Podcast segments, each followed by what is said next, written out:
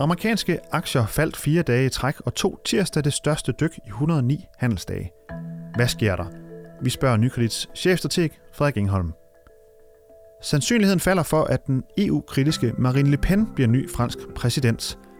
Det sker efter hendes modkandidat Emmanuel Macron bliver udråbt som vinder af mandagens store tv-debat.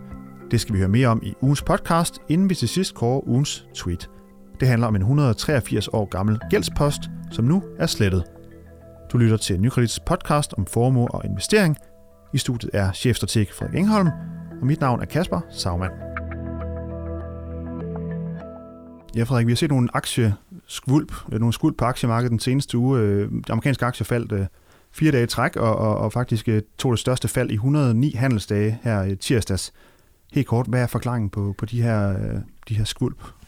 Jamen, øh, det der har drevet det fald, vi, øh, vi så her i, øh, i forgårs, det var, det var sådan en, en begyndende usikkerhed omkring, hvor, hvor nemt Trump han har ved at komme igennem med de ting, han har lovet. Og der er ikke nogen tvivl om, at specielt den skattereform, der er på Trumps agenda, den har været med til at løfte aktiemarkedet og løfte øh, optimismen i, øh, i hele, kan man sige, investeringsverdenen. Og, øh, og, og hvis man begynder at sætte spørgsmålstegn ved det, hvis man begynder at tvivle lidt på, hvor, hvor, hvor hurtigt kan han komme igennem med tingene, hvor meget kommer han igennem med, så, øh, så kan man sige, så er der måske øh, en, en, en lille tilpasning i aktiemarkedet, fordi vi allerede har forventet det her. Vi har allerede taget forskud på, på, på glæderne i, i prissætningen af aktier, og det er det, vi, det, det, det, det som et, et, et skuld, som det vi så den anden dag, giver udtryk for.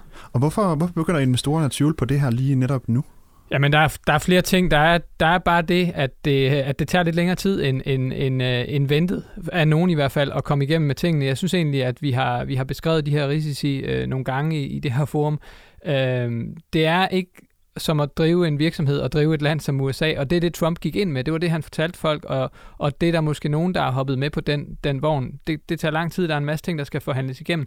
Og det, vi står med lige nu, det er faktisk, at Trump gerne vil have sin, sin sundhedsreform på plads, altså den her, den her øh, nedbringelse eller, eller, eller afskaffelse af, af Obamacare, den, den gamle sundhedsreform, og så en ny sundhedsreform øh, som erstatning for den. Og alene den proces har været besværlig, og så bagefter kommer der en, en, en, en skattereform, der måske er endnu tungere at arbejde med.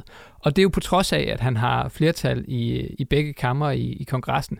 Så, så selvom man står i en position, hvor man egentlig har et, et politisk bagland, der kunne, der kunne trumfe alle idéerne igennem, så er der stadigvæk nogle vanskelige forhandlinger, for alle republikanerne er ikke enige om, om alting. Jeg vil dog lige sige, at øh, at, at, at det aktiefald, vi, vi så her den anden dag, der blev, der blev udrådt som det største i lang tid, det er også bemærkelsesværdigt, at det faktisk... Ja, det er siden, først, øh, siden 11. oktober faktisk. Ja, ja. ja det, det er bemærkelsesværdigt, at det er et fald på 1,2 procent. Det er altså et normalt et meget, meget beskedent fald, som vi ser masser af i løbet af et år. Adskillige dage, hvor vi oplever fald, der sagtens kan være, kan være både to og tre gange større end det. Øhm, så, så der er ikke noget atypisk ved det her fald. Det atypiske er måske snarere, at vi har ventet så lang tid på at se sådan et, et fald af den størrelsesorden. Og det indikerer meget godt, at, at aktiemarkedet helt klart har haft ja-hatten på, har været optimistisk i forhold til, hvad der skulle igennem, og dermed også kan blive en lille smule skuffet, øh, hvis det viser sig at tage længere tid, øh, trække ud, eller måske at, at, at blive lidt mindre omfattende, end det man havde sat næsen op efter.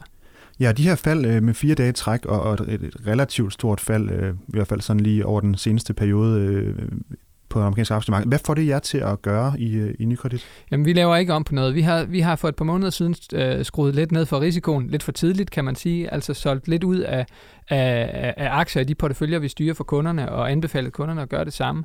Øh, aktiemarkedet har indtil videre været ligeglade med den usikkerheds, øh, de usikkerhedsfaktorer, vi så, blandt andet det her omkring det politiske i USA. Øh, og det er stedet yderligere.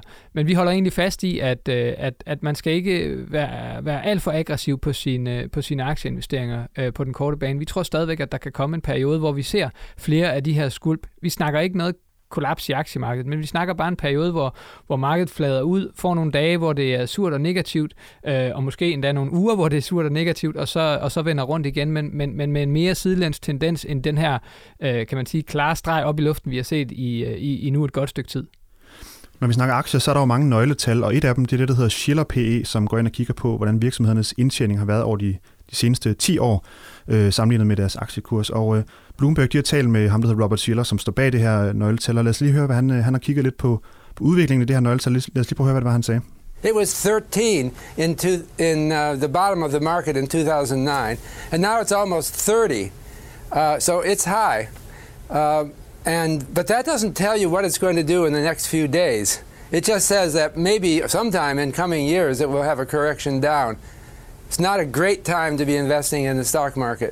Ja, øh, Schiller P er på et højt niveau, og det er it's not a great time to be investing in the stock market. Det er ikke et fantastisk tidspunkt at, at gå ind i aktier, øh, siger han. Hvad, hvad, hvad tænker du om den vurdering? Jeg synes, Schiller han mangler lidt perspektiv. Øh, jeg synes, han, han, han har ret i, og det har været sådan historisk, at når den her Schiller P eller andre øh, værdiansættelsesmål på aktiemarkedet har været i den høje ende, og det er vi helt klart nu på en række forskellige mål, så har det været øh, sådan, at, at man historisk over de næste 5-10 år har fået et lavere afkast, end, end når vi har ligget på nogle lavere niveauer.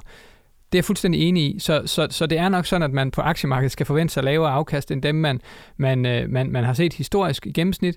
Øh, simpelthen fordi aktier er dyrt prisfastsat. Det, som Schiller, synes jeg, mangler at tage med, det er, jamen, hvad skal man så gøre med sine penge? Fordi humlen er bare, at alting alle aktiver er dyrt prisfastsat. Det vil sige, statsobligationer er dyrt prisfastsat. Det ser vi ved, at renten i, i Danmark og Tyskland ligger nede på en 10-årig statsobligation på tæt, tæt på ja, 0, øh, øh, omkring en halv. Og, øh, og, øh, og, og kigger vi på andre aktiver, så ligger de også generelt i den dyre ende, delvis som resultat af, at centralbankerne har købt en masse statsobligationer for, for at presse renten ned og for at få folk til at, at, at, at tage lidt mere risiko, købe nogle af de andre aktiver, for dermed at kunne understøtte den økonomiske aktivitet, gør det nemmere for virksomhederne at investere, fordi de kunne skaffe penge på aktier og kreditmarkeder. Så det Schiller mangler, det perspektiv han mangler, det er, jamen alle aktiver er dyre nu. Alle aktiver indikerer, når vi kigger fremad, at, at det forventede afkast er lavere end normalt. Og det betyder også, at ja, godt nok er aktier dyre, men alternativerne er også dyre, og det mindsker måske lidt i hvert fald øh, sandsynligheden for, at, at, at luften bare falder ud af det marked, for hvor er det, investorerne skal løbe hen? Det er, derfor, derfor tror jeg, at, at, at i den kontekst, vi er nu, der skal man se de her, de her øh, langsigtede værdiansættelsesmål lidt anderledes. Men det fjerner altså ikke den konklusion, at på lang sigt, så må vi forvente, at afkastene på en række finansielle aktiver, herunder aktier, bliver øh, betydeligt lavere end det, vi har set historisk. Og nu øh, har vi altså set de her aktieskvulp, som vi kalder dem her de seneste dage. Hvad, hvad kan få markedet til at, at ligesom falde til ro igen? Jamen, jeg, jeg tror, i virkeligheden, så kan man sige, der kan jo blive leveret på nogle af de ting, som, som vi venter på. Øh, og, og det, det, det kan være en ting. Det kan være, at vi ser tegn på, at vi faktisk begynder at komme igennem med de her, de her politiske ændringer, som Trump har, har foreslået. Det kan også være, at Trump kommer til at levere på noget af det, vi er lidt mere bange for. Handelspolitikken for eksempel kommer, kommer til at komme med nogle udmeldinger der, som markedet er bange for, og dermed får skabt mere bekymring.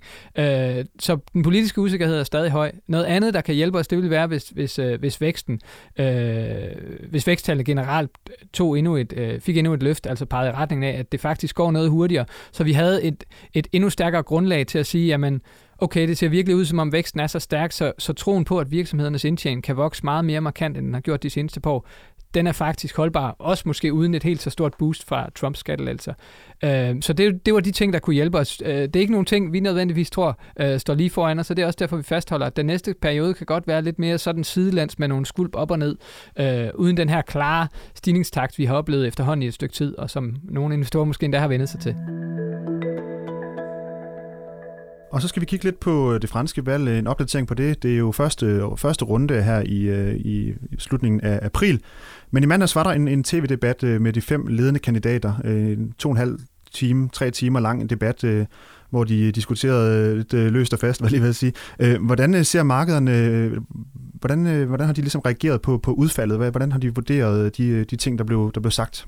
Reaktionen har været ret beskeden indtil videre. Det er ikke sådan, at vi ser tydeligt, at at alle bekymringer omkring øh, fransk valg er væk, fordi øh, på trods af, at, at Macron, som, som, som er markedets favorit, kan man sige, fordi han kommer med sådan en mere moderat agenda end Le Pen, øh, på trods af, at han så ud til at være sejr her i, i debatten. Der var klart flest af franskmændene, der efterfølgende, da de blev spurgt i meningsmålinger, øh, har peget på, at han gjorde det bedst. Øh, og det overraskende var faktisk, at, øh, at kommunisten øh, også fik, øh, fik stor ros for, hvordan han, han, øh, han opførte sig, så lå, eller klarede sig i debatten, og så lå Le Pen og Fillon, øh, nogle af de andre øh, spidskandidater, øh, lidt længere nede på listen. Så så, men indtil videre, så, så er øh, markedsreaktionen ganske beskeden. Øh, som sagt, på trods af, at vi har set, at Macron egentlig fik øh, klaret sig godt. Det, man kunne have frygtet på forhånd, var måske, at han, fordi han ikke traditionelt har været politiker. Han kommer, de andre slår ham i hovedet på at være uden erfaring. Det er sådan lidt sjovt, fordi han trods alt har været økonomiminister i noget tid i, i Frankrig. Men, øh, men, øh, men han kommer ikke øh, med erfaring som egentlig politiker, men mere som en, en embedsmand, der er sat på en position, faktisk. Øh, så gjorde han det ret godt, øh, og, øh, og, og klarede sig pænt på de angreb, der blev, der blev ført mod ham. Og, øh, og øh, det, det andet, der var bemærkelsesværdigt, kan man sige, det var, at, at angrebene fløj egentlig i alle retninger. Det var ikke kun alle mod Macron, selvom man kan sige, at han er favorit, så der var måske mest interesse i at få angrebet hans position. Øh, Le Pen blev der slået på, der blev slået på, på, på journalisten Amon, og Fillon blev selvfølgelig hængt ud for sine, for sine de her anklager omkring misbrug af offentlige midler, samtidig med, at han slår på en agenda om øh, kraftige nedskæringer af de offentlige udgifter. Det er sådan lidt, øh, lidt, øh, lidt sjovt, og noget, som også selvfølgelig blev fanget og pointeret af de andre kandidater. Men der var altså ikke nogen øh, sådan rotten sig sammen mod Macron. Men det vi ser, det er vel, at Macron øh, han blev udråbt af vind, øh, som vinder den her debat af de fleste medier og jagttager i øvrigt. Det må vel alt andet lige have øget chancen for, at han bliver præsident, og, og dermed mindsket risikoen for, at Le Pen kommer ind i og tager posten og ja. hiver Frankrig ud af euroen osv. Ja, oddsene er, er forbedret øh, en smule på Macron, men jeg synes ikke, det, det er så voldsomt. Jeg tror stadigvæk, at at, at, at det er så tidligt, kan man sige, i, i, i, i forløbet. Der er stadigvæk en måned til den første runde af det franske valg. Der, skal, der, der ser det stadigvæk ud, som om Macron nok skal komme igennem, og så er der et par uger til, efter det til, til anden runde. Så der er stadigvæk masser af muligheder for at snuble. Men, men Macron ligger ret solidt. Han ligger, han ligger meget klart nu til at, at, at komme i, i, i anden runde. Han ligger faktisk foran Le Pen, efter hun i meget, meget lang tid har ligget forrest på de her 5-26 procent af stemmerne. Så har Macron øh, rykket lidt foran hende nu i første runde. Og anden runde ser det stadig ud som om, at, øh, at, at næsten to tredjedel, øh, 60-65 procent af franskmændene, hellere vil stemme på, på Macron end på Le Pen. Så han, han er den klare favorit, øh, men vi må også bare anerkende, at vi har fået nogle overraskelser på det seneste. Øh, meningsmålingerne har ikke altid haft ret i det endelige udfald, og selvom det var sådan i Holland, så er folk måske ikke helt komfortable med at, at satse 100 procent på, på, øh, på et bestemt udfald. Øh, Ja, og så skal vi også lige vende øh, her onsdag, var der jo en, en kedelig begivenhed i London, kan man godt sige, øh, det her terrorangreb, øh, frygteligt. Lige øh, sådan helt fra den position, du sidder i, hvad, hvad er dine tanker omkring det, også i forhold til, til markederne og så videre? Ja.